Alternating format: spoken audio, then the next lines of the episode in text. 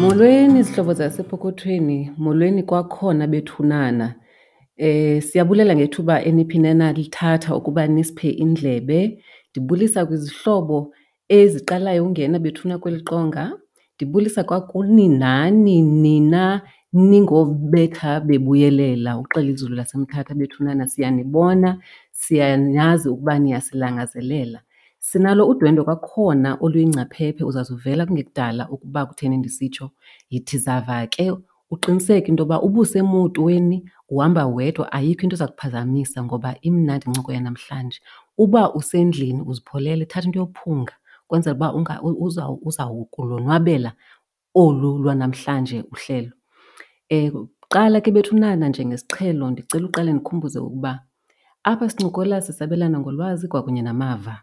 Ukuze wena ube wenza isigqibo sokukhupha imali qiniseka uba unalo ulwazi okanye uqhagamshelane nabaqeqeshiweyo abakwaziyo ukukuncedisa ngokungqamelene nemeko yezimali zakho kuba apha epokothweni sincokola ngokuphangeleleyo.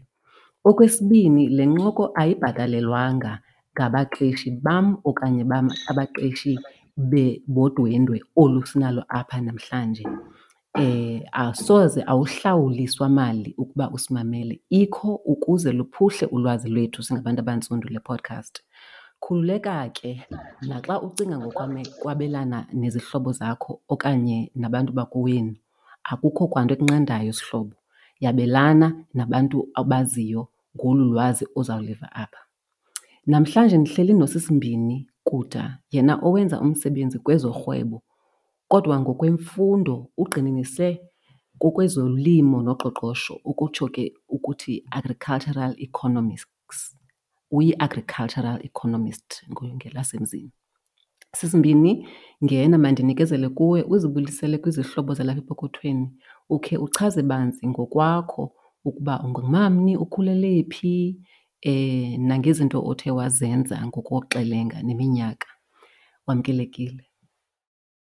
Enkosi kakhulu babalwa. Mandibulise kubaphulaphuli bakho. Igama lam ndinguMbini, Mbini Kuta. NdingumaNkomo Mtungu Yengwayo, uMalinga. Ndizalelwe eHewu, Whittlesea, kwindawo ebizwa uba kuseBhede, Hewu. Ndakhulela khona ke ndafunda khona.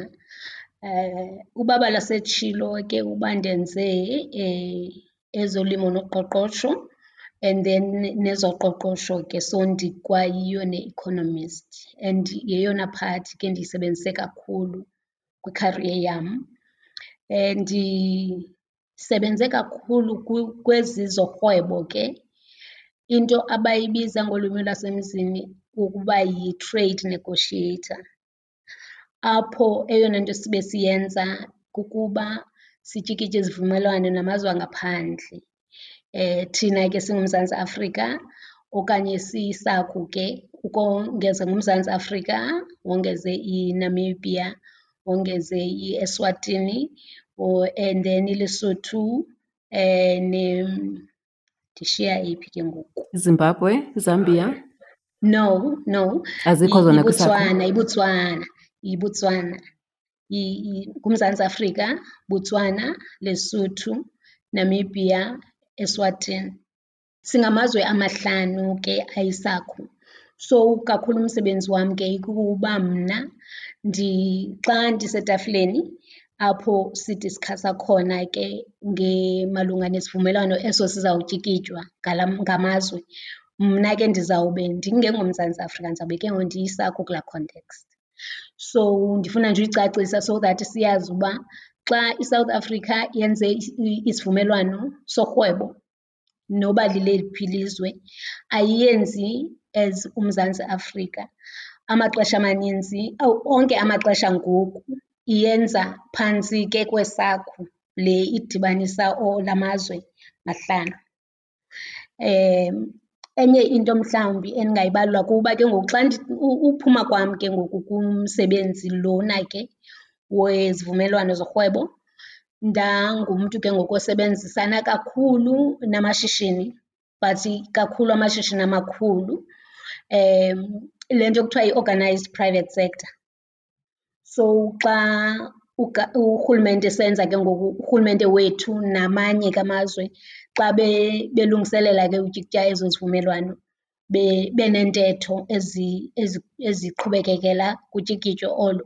So thina ke ngoku senze le nto kuthiwa yi-advocacy ukwenzela uba urhulumente izigqibo azithathayo ingabi zozigqibo ezizawubetha kakhulu kumashishini. So ke bendisenza lo msebenzi kakhulu. Ndisaqhubekeka ke ndisenza lo msebenzi unjalo but bucala. Um, so ndisebenza kakhulu namazwe amaninzi ke not uMzantsi Afrika kuphela. Ndibancedisa ke ukuba xa sezityikityiwe ke isivumelwano eso sisebenza kanjani. So ndibancedisa ke naxa kukho iingxaki ezikhoyo apha ekuhambeni kwexesha uzama ke ngoku usombulula ezo ngxaki phakathi kwamazwe ngamanye amaxesha.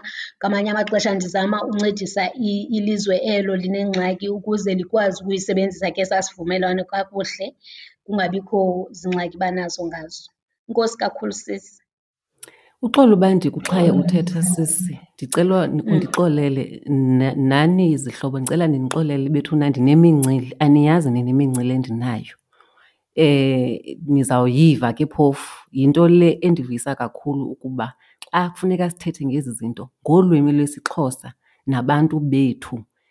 Siya eHewu Mzantsi Afrika, siya eHewu, siya kooMtungwa, siya koonkomo sithi sicela uba uze njengengcaphephe uzoncokola epokothweni. Ndifuna niyinanze bethuna loo nto leyo, niyazi uba xa ndingathi ndiyagxuphuleka yinto yokubana khange ndiye kwezinye iindawo ezibizwa ngamanye amagama esilungu mhlawumbi nesiBhulu. Ndiye eHewu ndafika phaa kukho usisi ongumamntungwa. Yinto ke leyo endifuna uba xa xa ndingena apha ndimane ndisithi abantu mabazichaze abasindwendweleyo, uyazi into yoba ndivuyiswa kukuba bamnyama aba bantu bathetha ulwimi lwethu. Ningathi bethuna andi-rude sisibini, zezo zinto ezindivuyisayo. Ewe, nam ke ngoku ndifuna nokongeza ke. Njengoba ndithetha nje ndise-Angola ngoku, njengoba ndingumntana waseHewu nje ozalelwe khona, ndafunda ke ndiyafuna ndiyayimenshina kakhulu ke uNokholeji kwiindawo endifunde kuzo. KwaNokholeji ndasebenza ke ixesha elininzi ndisebenze eTshwane ePretoria. So kulapho ndime khona ke eTshwane. Kodwa ngoku for iminyaka emithathu almost, emibini, sihlala eAngola eLuanda. Sikhe sahlala naseMozambique eMaputo. Silusapho olukuthandayo uhlala ngaphandle kwaseMzantsi Afrika amaxeshana amafutshane kodwa. Abantwana, ndinabantwana ababini, umzi wam useLimpopo eMalamulele, Giyani area. So umyeni wam ke usuka khona. So ke siyifemeli ke ethetha iilwimi ngeelwimi apha endlini. Ndinabantwana ababini, umfana noyintombazana. So ndiyacinga uba mos bayiphathi yam, so andifuni ubavalela ngasemva. So ke ndinguSiso seAngola ngoku njengoba sithetha nje. Enkosi sisi. Luntu oluntsundu siyakwazi ukungena kumla mazwe. Hayi ndizakhe ndibeke okwangoku, ndifuna nje ukuchaphazela loo nto. Urhwebo olu sithetha ngalo namhlanje, incoko yethu bethunana sizawuthetha ngezinto zorhwebo kuba sisimbini uyingcaphephe kuzo. Urhwebo yinto yesenziwa kwakudala mandulo phaya, ubufunda iincwadi zikaZakes Mda apha ebalisa ngeMaphu Ngubhe. Ayonto eqale xa kufika uJan van Riebeeck ngo-sixteen fifty-two into yoba sibe siyarhweba nezinye izizwe bethunana. Besirhweba ngezimbiwa, besirhweba ngezinto esinazo. Nathi besizithenga futhi kwabanye abantu izinto. Abantu abanembali ke abafunda le nto kuthiwa yi-history bayakuchazela into yobana neentsimbi ezi sizihlobisa ngazo besizithenga ngokurhweba namanye amazwe. Kodwa ngoku into endiqapheleyo xa kufikelela kwindaba yorhwebo bethunana yile organized private sector uSizimbini athetha ngayo egxininisileyo. Ngoku ke namhlanje Sizimbini ndifuna ukusincede siphuphe, singabantu mhlawumbi abasakhasayo okanye noba sikwezi ndawo sikuzo, khawusincede siphuphe. Usiphuphise futhi usikhomba nasemandulo uphinde usibuyisele nakweli xesha sikulo ukuba umntu xa eqala ishishini lakhe elincinci okanye ethengisa loo nto ayithengisayo okanye esenza loo nto ayenzayo eziinkonzo, kufuneka acinge kwesiphi isithuba okanye acinge saqala acinge mhlawumbi emva konyaka ngokuba le nto asebenza ngayo ayithengise kanjani na kumazwe esingabamelwane kuwo nangaphesheya kolwandle. Khawukusincede siphuphe sisi. Uyayibona ke babalwa, into yorhwebo ayonto enzima ngendlela abantu abayicingayo uba enzima ngayo kwaye futhi ayonto yamashishini amakhulu odwa. Ingxaki bakhona kukuba kunzima kakhulu kumashishini amancinci asakhasayo ukuba babe yilaa babe yiphathi yezi gruphu ke zeekhampani ezinkulu. Umzekelo, ufumanisa uba i-influence abanayo abantu abakumashishini amakhulu yenziwa kuba benezaa numbers, bethetha babe nemibutho, laa nto siyibiza uba zii-associations. Urhulumente mos akakwazi umamela wonke umntu ofikayo athi ufuna into ethile, omnye athi afike athi ufuna into ethile. So ikakhulu kakhulu urhulumente umamela aba abantu sebeyimbumba bedibene. So laa mibutho ke ngoku yiyo ke ngoku ekwaziyo uba namandla okutshintsha nee-plans ezi zika-government because bane-voice eluqilima, bathetha bebaninzi. Nangaphandle kwemali, Eh, ngamanye amaxesha amaxesha amaninzi sithanda ukucinga ukuba yimali into ebancedayo kanti ayiyo, lulwazi. So ndiyavuya njengoba usenza le nto siyenzayo namhlanje. So ndizawuthi ke uyayibona phambi ko-nineteen ninety-four uba sifumane ke inkululeko yethu, kwakukade uMzantsi Afrika mos kwakukho laa nto yayibizwa uba zii-sanctions. So mm. sasingakwazi ukwenza urhwebo namanye amazwe. Amanye amazwe ayezama uba asivalele ngenxa yemeko sasikuyo ke ngelaa xesha eMzantsi Afrika. So ke kwavulwa ke ngoku emva kwenkululeko ne, kodwa sabe thina bantu abamnyama kakhulu eh amashishini akhasayo, sasingenawo ke phofu namashishini akhasayo ngoku. Sabe thina singekho mos besivalelekile so singekho ready uba mhlawumbi nathi sikwazi uba senze ezi zinto zenziwayo ngaba bona ke ngoku sebenemibutho okanye sebenamashishini akhulileyo. Kodwa ngoku akunzimanga kakhulu ngoku ngoba kaloku urhulumente unazo for instance izibonelelo. ufumanise uba kukho iilantika, kukho ezi departments oo-small business, kukho ii-departments zoo-women. Akhona, uncedo olufumanekayo for uba abantu bakwazi ukukhula mhlawumbi kwii-businesses ngoba into yorhwebo kaloku ifuna uba ukhule ube kwi-level apho ungazuthi ngoba xa xa sewuthumela iinto zakho ngaphandle Awukwazi umane usithi ngoku hayi ndisaqweba, ndisaqweba imali yophinda ndiyowuthenga ndizokwazi uphinda ndenze. Uyayibona funeka ibe yinto oyaziyo uba uyakwazi uqhubekeka. That's why into yee-cooperatives usebenza nabanye abantu inceda kakhulu ngoba ke ngoku niyakwazi ke ngoku ukuba nee-resources ezihlangeneyo.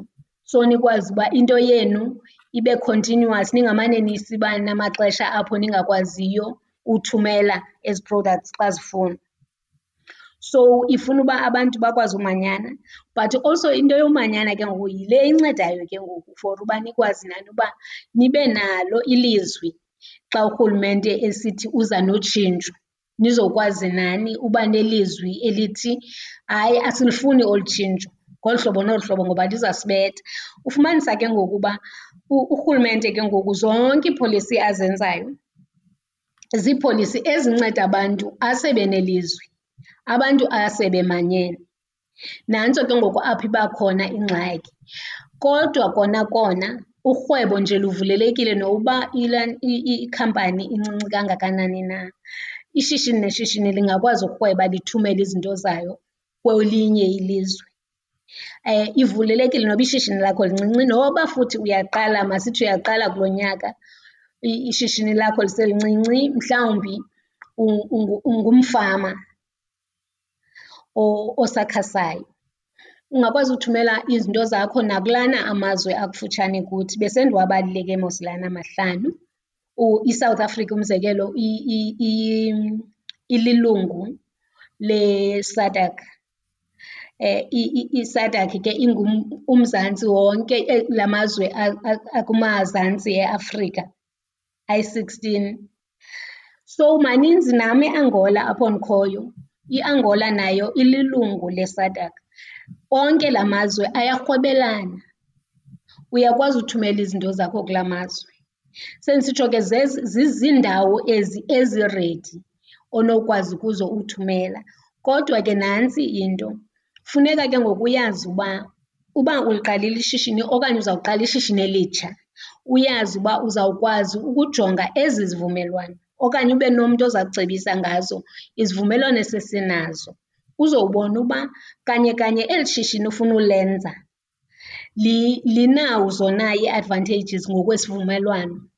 Masenze umzekelo, uyazibona xa uhamba mos usiya yonke uMzantsi Afrika uzawufumanisa uba kukhona uShoprite, not uMzantsi Afrika wonke, yonke iAfrika, izwekazi lonke. Uzawufumanisa uba kukho uShoprite, ufumanisa uba kukho standard Bank, kwamanye amazwe ufumanisa uba kukho i-M_T_N, naseNigeria uzawufike khona u-M_T_N, lurhwebo oluya. Ezaa khampani ziyarhweba ngolaa hlobo loba zihambe ziyoba kwelaa lizwe. Kanti uzawufika kwelinye ilizwe awuboni, awuyiboni mhlawumbi okanye useshishinini okanye usesuphamakethi engeyaseSouth Africa, engengoShoprite. Kodwa ufumanise uba tyhini nantsino laa mayonnaise mhlawumbi eyenziwe eSouth Africa okanye enye i-product nenye i-product. Ezaa zinto zenza kuba lula ukuzithumela kulaa mazwe ngoba kukho esaa sivumelwano. And esa sivumelwano mos into esiyenzayo sibulala laa nto kuthiwa zii-import taxes. So sibulala ezaa tariffs. Xa uthumela ke ngoku izinto zakho kwelaa lizwe ufumanise uba uyithumela free, awuzubhatala phaa ngoba uthumela izinto zakho phaa. Kanti xa singekho isivumelwano uzawuthi xa uthumela izinto zakho phayana kuzawubakho imali ekufuneka ibhatelwe ngaba bantu bathenga ezi zinto zakho. Njengaxa uthenga izinto mhlawumbi masithi china uthenga iimpahla, uzawufika kukho ii-taxes ofuneka uzibhatale. Kanti ke isivumelwano sona, isivumelwano sicima laa nto ke ngoku yezaa taxes and then zininzi ke ngoku izinto eziba kwisivumelwano mos. Zininzi izinto ke ngoku ezenza ukuba kube lula ke ngoku urhweba ngoba kukho esaa sivumelwano. So apho baqala khona abantu abanamashishini amancinci nabantu noba ishishini lakho lingakanani, kusekubeni bazi ukuba izivumelwano esinazo zezawaphi nawaphi amazwe. Uzokwazi ke ngoku ukwazi uba, oh okay uba isivumelwano sam sikunye ndiza kwenza umzekelo neNamibia. INamibia zininzi kakhulu izinto engakwaziyo uzenza ngoba inendawo eninzi engenamanzi. So ke ngoku uzawusebenza ngokwazi uba yintoni edingeka kwelaa lizwe okanye wenze, uyakwazi mos nokwenza i-research ubone uba kudingeka kakhulu into ethile. Uye ufumanise uba uMzantsi Afrika for instance eEurope into esizithumelayo kakhulu sithumela imiqwayito like i-dried mm. fruits, ii-nuts, uyabona ezo nto zinjalo. So funeka wazi kakhulu kakhulu uba yintoni into efunwa lilizwe elithile okanye le nto mna ndiyenzayo apha ndiyivelisayo ifunwa kakhulu kweliphi ilizwe, ishota kakhulu kweliphi ilizwe so that ukwazi ke ngoku uba wena umos ibhizinesi ngokommo wayo, ishishini funeka liadrese into efunekayo kweli lizwe lifuna uyithumela kulo. Nalapha ekuhlaleni into yenzayo wenza into yaziyo uba izawufuneka kakhulu apha ekuhlaleni. So yileyo ke ngoku indlela eyenza kube lula. Kodwa ke mandiyiveze neyoba uncedo luyafumaneka. xa ngaba uyazibona uba uyakufuna ke ngonyani urhweba namanye amazwe.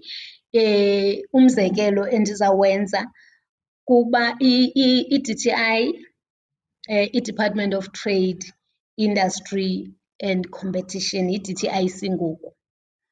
Laa trade lurhwebo mos njengoba ingu-trade and industry, andizuyingena competition. Laa industry mos kukulaa ntsika lushishino. So kukho indawo apho E, encedisayo noshishino olu. Kubekho ke ngoku le part encedisa kwezorhwebo. So xa ufuna ulwazi olubanzi uyakwazi ulufumana ulwazi phaa kanye kanye e-D_T_I ngoba banendawo encedisanayo ke ngoku nezi zorhwebo apho uzawukwazi ke ngoku ubuza izinto ezininzi namalunga neshishini eli lakho. eyona product okanye i-service oyenzayo. So ziyakwazi ufumaneka ezi zinto. So abantu funeka basoloko bebazi indlebe beyazi uba okay mna njengoba mhlawumbi masithi ndikwizimbiwa, so i-minerals and energy funeka ibe yindawo okuthandayo umamela iindaba zayo okanye mm-hmm. okuthandayo nokuya xa inezinto ezifikelelekayo kuwe. Funeka ube nje ube ngumntu okwaziyo uba semoyeni wazi uba kwenzeka ntoni phi uyayibona, ukwenzela uba lonke ulwazi olukwazi ulufumana ukwazi ulufumana ulwazi oluthetha ngale nto une-interest kuyo okanye le nto uyenzayo. Wazi futhi nokuba okay kukho isivumelwano ngoku esizawutyikitywa, lena yam into ithini into yayo ngokwesivumelwano, uMzantsi Afrika i-position yethu ithini kwesi sivumelwano malunga nale yam into. So ifuna uyizise kakuhle kakuhle kwelakho ishishini, ungathethi nje ngento e-general ethethwa ngumntu wonke uba hayi kuzawutyikitywa esi sizawulahlekelwa yimisebenzi. Sizawufuneka uyizise kakuhle kakuhle kweli lakho ishishini uba mna njengoba ndithengisa itumato nje ithini into yetumato kwesi sivumelwano. Uzawufumanisa uba into yetumato ithi hayi ngoku iitumato iZimbabwe ivulile for uba iitumato ezisuka eSouth Africa zingaya khona. So funeka usoloko uyizisa kweyakho kwelakho ishishini xa ungumntu oshishinayo uba kulena yam into ithini ngoba awusoze ukwazi uyiandastenda yonke laa nto ibhalwe phayana ngoba into yesivumelwano mos ineento ezininzi, ezinye izinto zizinto ezingadibaniselananga nelakho ishishini. So funeka usoloko ufuna ulwazi olungqamene kahle kahle nale bhizinesi yakho. Heyi, Sisi Mpumi, ingathi andiyazi ngeba ndiye ndathi abantu mabathathe ipeni nephepha ngendingathanga abantu mabathathe into yophunga phaa ekuqaleni. Kuba ngoku ezi zinto uzithethayo senditsho uba ingathi ndingayivala noyivala namhlanje esi siqendu ndithi ugqibile kuba uvele wayibetha wayibetha wayibetha. Zihlobo, zinintsi izinto usisi azithethileyo. Kamnandi into ye-podcast imnandi ngale nto yobana uyakwazi uphinde uyiphinde uyiriwayinde. Zininzi izinto azibekileyo phambi uba ndiye kumbuzo olandelayo. Uthethe eh ngemibutho, amaqumrhu ekufuneka singabi nantloni ukuwangena okanye siziqalele awethu kuba urhulumente akakwazi mamela ubabalwa engumntu omnye, umamela amaqumrhu abantu abasebebumbene. So naxa sesingenile phaa masingabi nantloni, masibe nelizwi lethu futhi masibe nayo indlela yokwenza ilizwi lethu livakale. Kuba kaloku kufuneka ilizwi lethu lithi lawuvakala libe nomthelela okanye libe negalelo elikhulu futhi kwimithetho nakwiipolisi zalapha elizweni. Okwesibini, enye into endiyivileyo xa usisi ethetha endiyityileyo into yobana funeka ucinge ngezi zinto unazo kuba kaloku izivumelwano zibhalwa ngabawisimthetho, zinamagama amanintsi amakhulu. Funeka wena ube ngumntu ofunda le engqamelene neyakho. Futhi funeka noba uyaqala into uyiqale ujonge amathuba asekuhlaleni, alapha elizweni eSouth Africa nalapha kubamelwane bethu, uwenzile umzekelo ngeNamibia. So bethunana kudala siyithetha le nto apha epokothweni uba funeka sibe ngabantu abaphandayo, funeka sibe ngabantu ababeke iindlebe. Into ethetha ukuthi sisi funeka sixhalabe xa sisiva ezindabeni kusithiwa asinabudlelwane okanye ubudlelwane ebesinabo nelizwe elithile buyarhoxiswa. Kufuneka singabi ngathi kuthethwa nje ngezemidlalo. Funeka siyazi into yobana yinto ekufuneka lena engasifaka engxakini singabantu abashishinayo abazigqibelayo. Uthini wena kuloo nto? Ewe, sisi, xa kusithiwa ubudlelwane ngelinye ixesha ke ayibinto embi ngamaxesha onke. Ngoba njengoba nje urhwebo luyinto ezisa amathuba emisebenzi, eh, luzise lunyuse amashishini nasakhasayo, ngelinye ixesha likwathatha ezo zinto. Ngoba xa abantu ngoku zonke izinto abazisebenzisayo bezithenga ngaphandle, Kutsho ukuthi ke ngoku ibulala amathuba emisebenzi apha kuthi ngoba kaloku laa nto uyifumanayo xa unesivumelwano yilena uyinikayo elaa lizwe. Kodwa ithi le nto xa ungumntu oneshishini, ngoku ulwazi selukhona kwiindawo zonke, xa ungumntu oneshishini funeka ungalali emgqobozweni ubaze iindlebe. Ndiyabazi ke abantu abashishinayo bayathanda ukuthi, hayi mna andinalo ixesha lale nto wethu ndixakekile. Ngoba kaloku ishishini kwalona lingumsebenzi omkhulu. Xa lilincinci kakhulu khona uyayazi uba uyaxakeka ube sezindaweni ezininzi. Nam ke elam ishishini mos lishishini elincinci ngokwekhathegori ze-small business. So yonke into yenziwa nguwe, uthi ukwezi izinto funeka uhoye nento yeencwadi zakho ngoba kaloku awunamali ininzi yokuqesha abantu bokwenzela zonke ezi zinto. Kodwa ibaluleke kakhulu into yoba ziindlebe. Uba ungumlimi funeka uyazi uba laa department yezolimo ithini into yayo. La macandelo ezemihlaba ithini into yayo. Funeka ibe zizinto ozaziyo. Uyayibona ke kakhulu kakhulu wena babalwa into ye-networking yeyona nto siyilizelayo singabantu.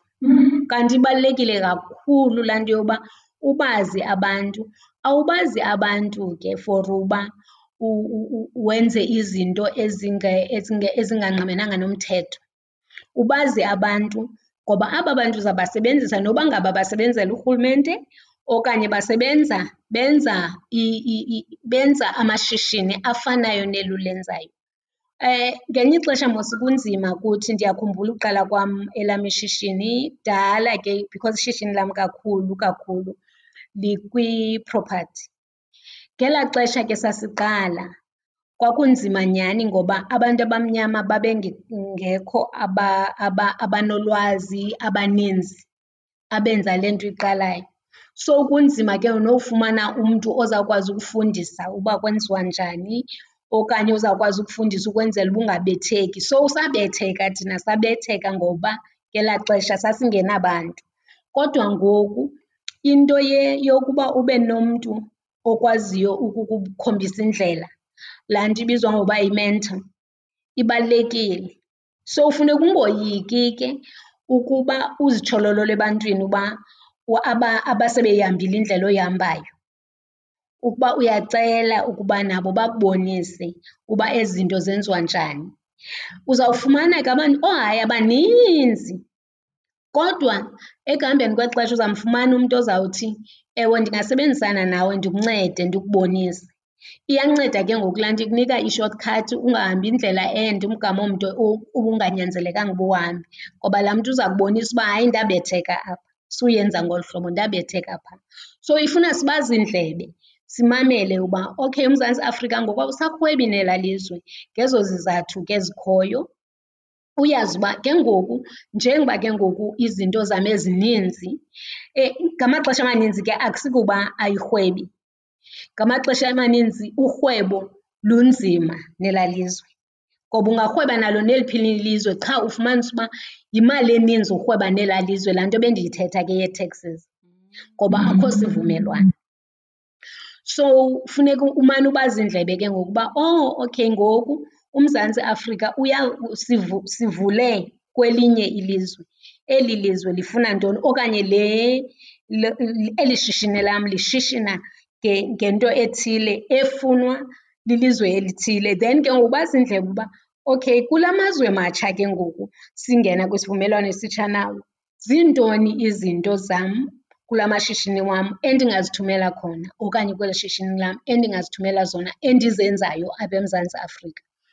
kwaye zintoni endingazifumana khona endingakwazi ukuba ndizenze ngcono ndikwazi uzithumela kwamanye amazwe. Uyayibona ke ngoku le nto ndiyithethayo ke ngoku iba nokuba technical okuthile ngolu hlobo loba uba ngaba ndifuna ukwenza imizekelo e-practical ke ukwenzela uba ikwazi ukusinceda. Masithi mhlawumbi useKapa, eKapa wenza i-jam, yakho oyenzayo uyenza ngamaqunube. Ngoba amaqunube akhona eKapa ndiqhele uwabona kuFacebook ezifotweni. So wenza le jem yamaqunube eKapa. Le jem yakho yamaqunube ufuna uyithumela eKenya.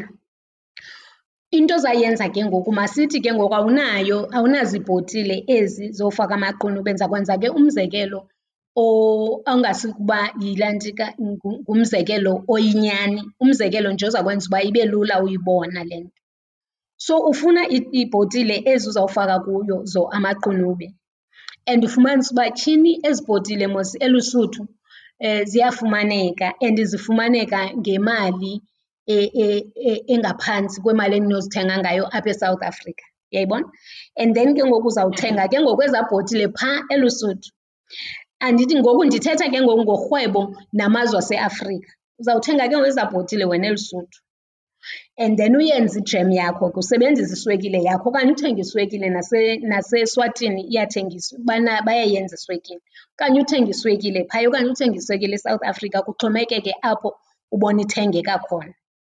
Uthenge amaqunube wakho eSouth Africa, uyenze ijem yakho uyifake kwezibhotile kwezi uyithumele eKenya uyoyithengisa eKenya. Uyayibona ke ngoku akunyanzelekanga uba ube nazo zonke ezi zinto uzifunayo zibe lapha eMzantsi Afrika. Ezi zinto uzifunayo usenozifumana nakwelinye ilizwe and usenozifumana nakwilizwe elikude kunoMzantsi Afrika as long uba laa mazwe uthatha izinto zawo e-, wonke engamalungu esi sivumelwano. Uyandiva sisibabalwane? Ndikumamele, ndibhala ubungabona apha, ubungabona indlela ii-notes zam, ibiyividiyo le izihlobo ngezibona uba tyhini nobabalwa apha akafundisi thina okanye nawe uyabhala. Ndiyabhala apha igcwele i-notebook yam, ndikumamele. Uba uba ngaba masithi ke kulo mzekelo weSADC, la mazwe ndithi ndisebenzisana kakhulu nawo ngoku, ikhampani yam Ikhutha Consulting. Ukuta usebenzisana nawo wonke amazwe alapha eSADC umzekelo. Apha eSADC mos njengoba sinawo wonke la mazwe nooAngola, nooMadagascar, nooMauritius, wonke la mazwe akwisivumelwano saseSADC.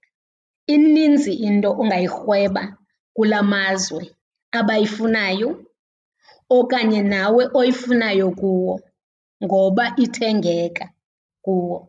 So uyayibona ke ngoku laa nto mos yokuba lula ukuthenga kulaa mazwe yenziwa kukuba ngoku ungazubhatala ezaa customs duties okanye ii-taxes.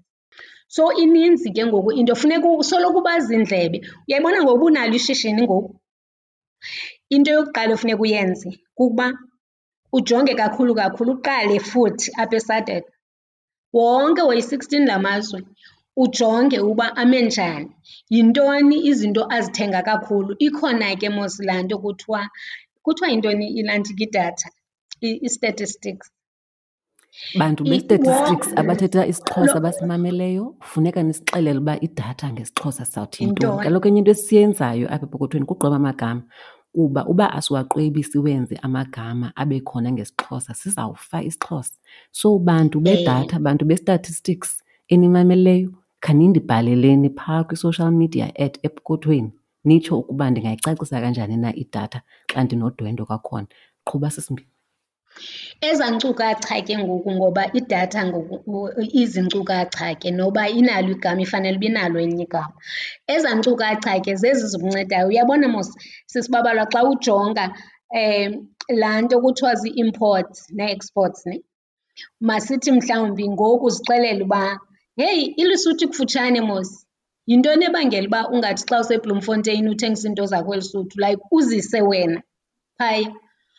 and then ujonge ke ngoku. Oh yintoni kanene eshota kakhulu? Uyabona ke ngoku xa uveze ezaa imports nee-exports uba ivela kakuhle uba oh eLuSuthu bathenga kakhulu into ethile.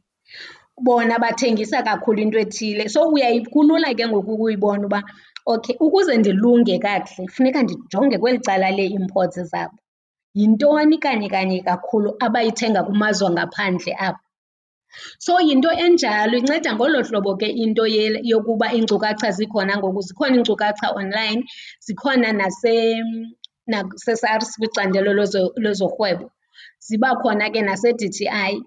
So uba nazo ezaa nkcukacha zoba tyhini kakhulu into efunekayo ngoba kukho isivumelwano ngoku esizasisayina amazwe, izwekazi lonke sesisayinile izwekazi lonke. Uyayibona ke ngoku nantsi ke ngoku nangamathuba for umntu onebhizinesi. Ujonge eNigeria yintoni kakhulu kakhulu abayi-impothayo.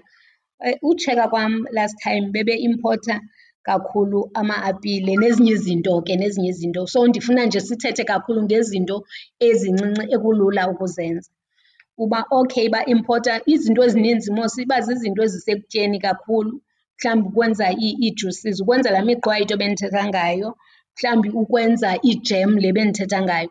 So ufumanise uba oh nazi izinto kakhulu abazi-impothayo okay bazi-impotha phi ezi zinto? Ufumanise uba bazifumana emelika okanye bazifumana eEurope.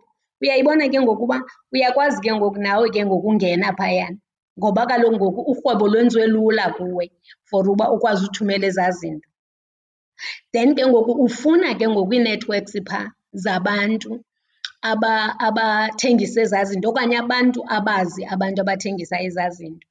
Nantsi ke enye into ebalulekileyo xa ufuna ungena kwinto yorhwebo kukuba funeka wazi iSouth Africa mos uMzantsi Afrika uba nee-offices kulaa mazwe, mhlawumbi kuthiwe yi-embassy.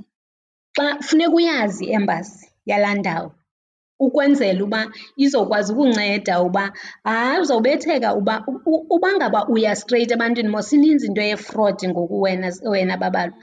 Ngoku uzawufumanisa uba uzawubetheka phayana uve umntu wena okuthumele i-imeyili uba hayi uzazithenga izinto zakho ungazuyifumana imali.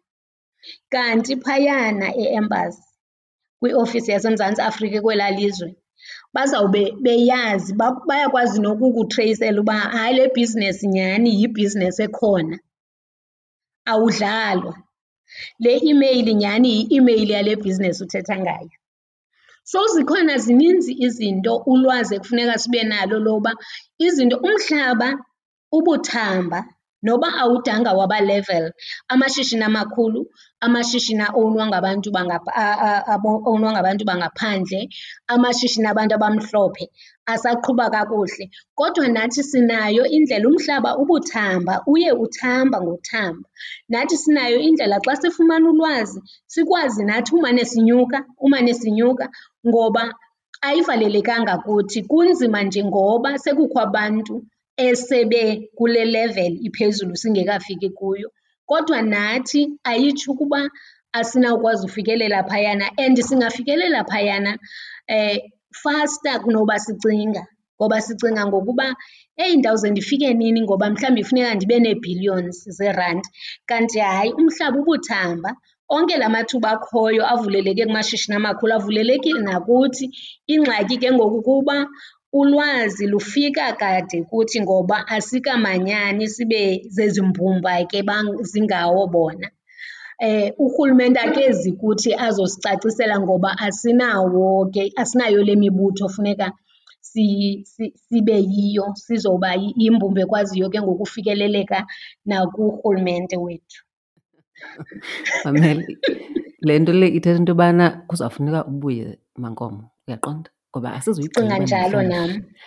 Asizugqiba zonke ezi zinto kufuneka sizitatshe. Le mibuzo besisebenza apha asizuyigqiba namhlanje kuba kaloku abantu bamamela ezi ziqendu mhlawumbi umntu xa udropa abantwana esikolweni okanye yabona ixesha alikho lide. Andifuni ke nokuyenza ide ibe ngumzengezenge. Kodwa ke kule nto ugqiba othetha kuyo yazi ndiyahleka. Kaloku ndakhulula eMthatha, i-embassy ngelaa xesha ndandikulo yayinye i-embassy yaseSouth Africa, iyile building isoloko inamajoni ngaphandle. Ndahamba ke ngoku ndimane ndibona amanye amazwe Ngoku zange ikhithi qatha kum uba ndingakhe ndingene phaa ndikhe ndibuze uba uba ningandinceda kanjani.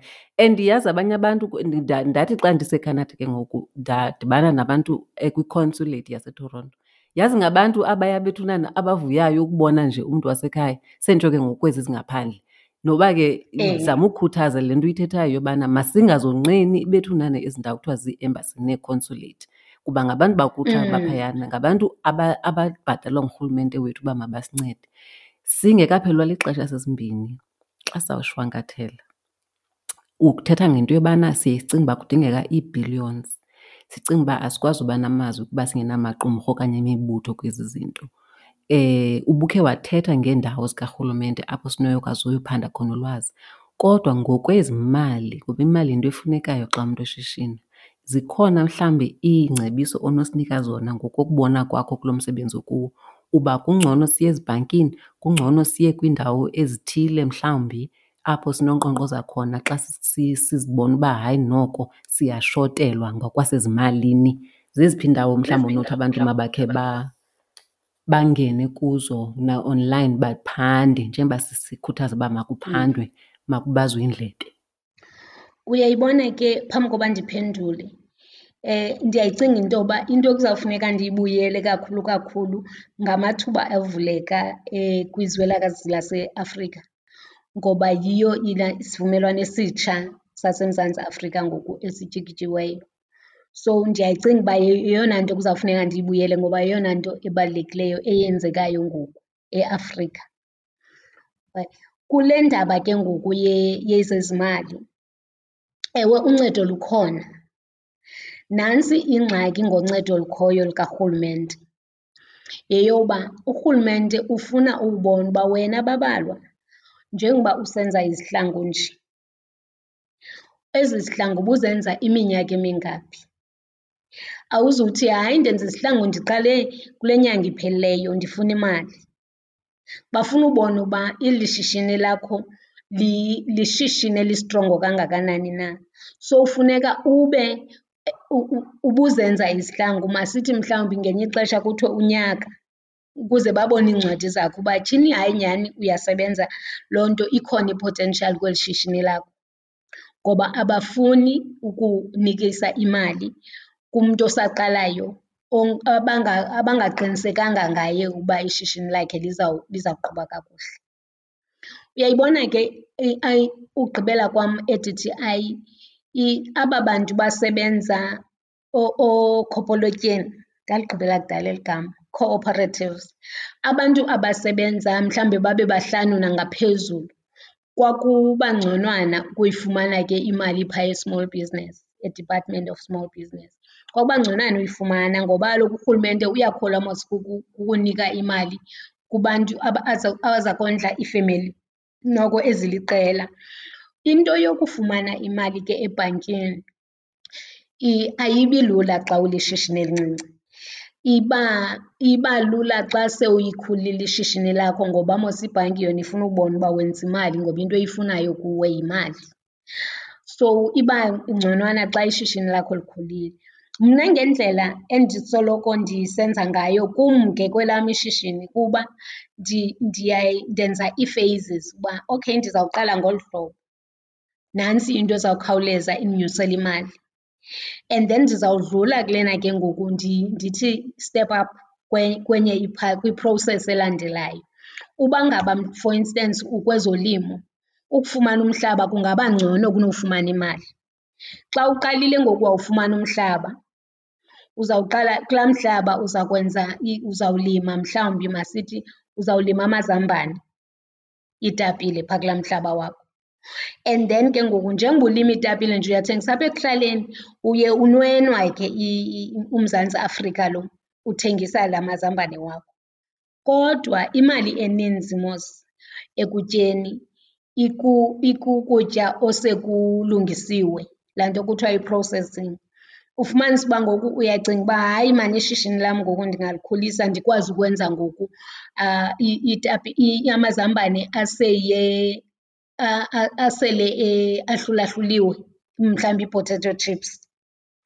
So umane ke ngoku unyusa usongeza ke ngoku ezi izinto ke ngoku sezine-value eyongezekileyo. Ifuna ke ngoku ishishini lakho ulahlulahlule ngolo hlobo. Kodwa ayithi loo nto amathuba okufumana iimali, umzekelo kurhulumente okanye ufumana imali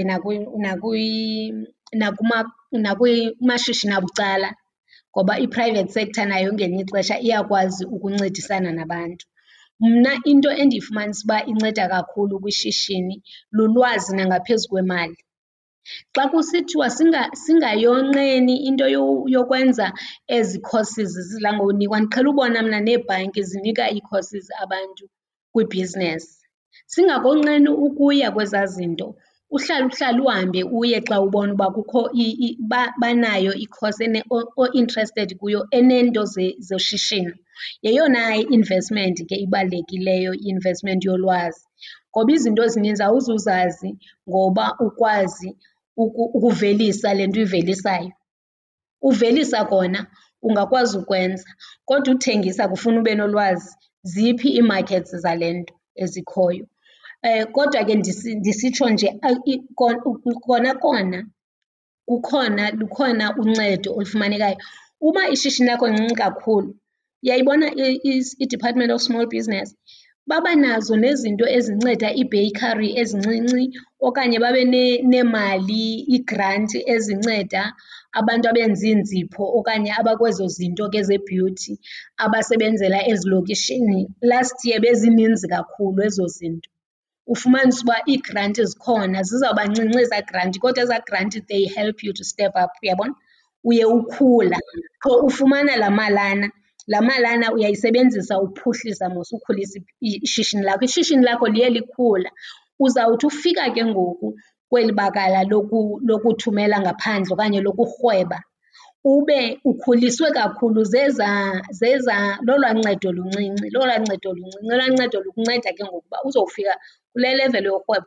Sometimes into yebhizinesi ayifuni ukuba ufuna uqala kulaa ndawo because xa uqala ibhizinesi kwibanga elikhulu naxa ubetheka ubetheka kakhulu.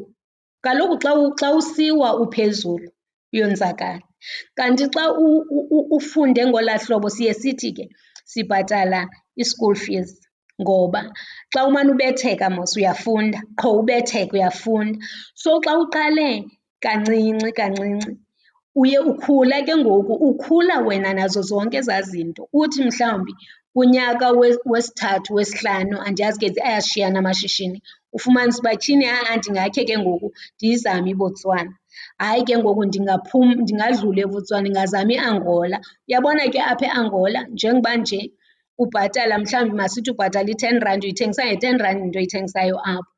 Yonke into iyadura ke ngoku apha, izawuba yi-thirty rand apha. Uyayibona ke ngoku ishishini lakho ngoku liya kwenye i-level ngoba uzawuthi xa uthengisela ngaphandle ke ngoku ufumanise uba tyhini inkulu kakhulu ke ngoku ingeniso oyenzayo xa uthengisa ngaphandle.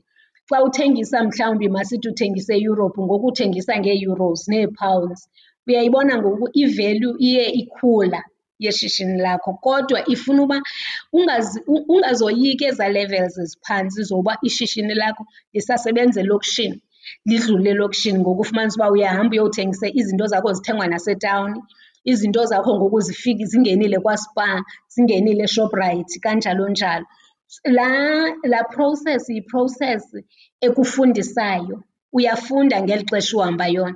Yona ke ngolaa process ayifuni imali ezinkulu mos, ifuna u-small business akuncede apha. Ifuna uDepartment of Agriculture mhlawumbi uba zezolimo akuncedise apha. umane usithi hayi ndidinga uncedo oluthile. Bazawuthi mhlawumbi hayi uncedo esinalo yikhosi ethile ayomali. So funeka uzazi zonke ezaa zinto ke ngoku, umane ufumana zonke ezaa zinto. Laa nto ke ngoku ikunceda uba ube uzibone nawe ubulungile uredi for uba urhwebe ke ngoku ngaphandle. Uyabona ke ngoku xa sewufikile ke ngoku apha ekubeni redi urhweba ngaphandle ke ngoku yi-D_T_I ke ngoku eza kunceda ngeemali zokuba ishishini lakho likhule ke ngoku libe kule ndawo ufuna libe kuyo. Ikhona phaa i-D_T_I, andisakhumbuli ayatshintshwa kakhulu mos amagama ezi ndawo. Ikhona indawo ke ngoku enika iibhizinesi ezinkulu ngoba i-D_T_I yona kakhulu mos isebenza ngamashishini amakhulu asekhulile. Leya ke ngoku yilena ke ngoku yona inikeza ngeemillions. So uzawuthi ufika phaa ube ke ngoku sowukhule ngezi zincinci izibonelelo, ukhule ngezi zincinci zoo-small business. Okanye ufumane uncedo oluthile olufumana eSEDA okanye ufumane uncedo oluthile oluncinci olufumana uba ungumntu ongumama olufumana kwiDepartment yeWomen. Uyayibona zonke ezaa zinto? So that ke ngoku ezaa zinto ziyanceda mos ke ngoku ukhule ukhule, uyawukhula ke ngoku. And then ke ube kwilungelo ke ngoku okanye ube kwi-level oyaziyo uba tshini ngoku ndiyakwazi ke ngoku uthumela izinto zam ngaphandle. Sisimbini Mntungwa nani izihlobo ezisimameleyo ndiyanicela bethuna ngemvume yenu masiyibeke ingca apha namhlanje. Kuba lukhulu ukuba ungabona apha kule ndawo ndibhala kuyo kugcwele amaphepha. Kamnandi ke usisi Mbini ebesethe angabuya sizomenza u-part two. Kodwa sizawutsarhwa uba ndiya kuye kuqhubekeke Sisi Mbini, sizawukhonyuluka. Andifuni ke sikhonyuluke, masiyibeke ingca apha namhlanje sibambe ngazo zozibini kuwe kuba sifunde lukhulu. Bethunana sifunde lukhulu, funeka setyise. Masiphinde sibonane kwithuba elizayo zihlobo zam. Nisindwendwele nakumacwecwe ethu akwi-social media, nisibhalele nakuWhatsApp. Abanye abantu ndiyayazi uba abamthandi uFacebook noInstagram noTwitter. Kodwa ke uyakwazi ukucela ngoWhatsApp uba bethuna ndicela nindithumele iziqendu xa zikhona ku-oh seven two 650 7641 sesimbini eh sizawuphinda silenze ithuba. Masikubulelo kwanamhlanje uba ulenzile ithuba lokuzoncokola usabele ngolwazi. Enkosi kakhulu.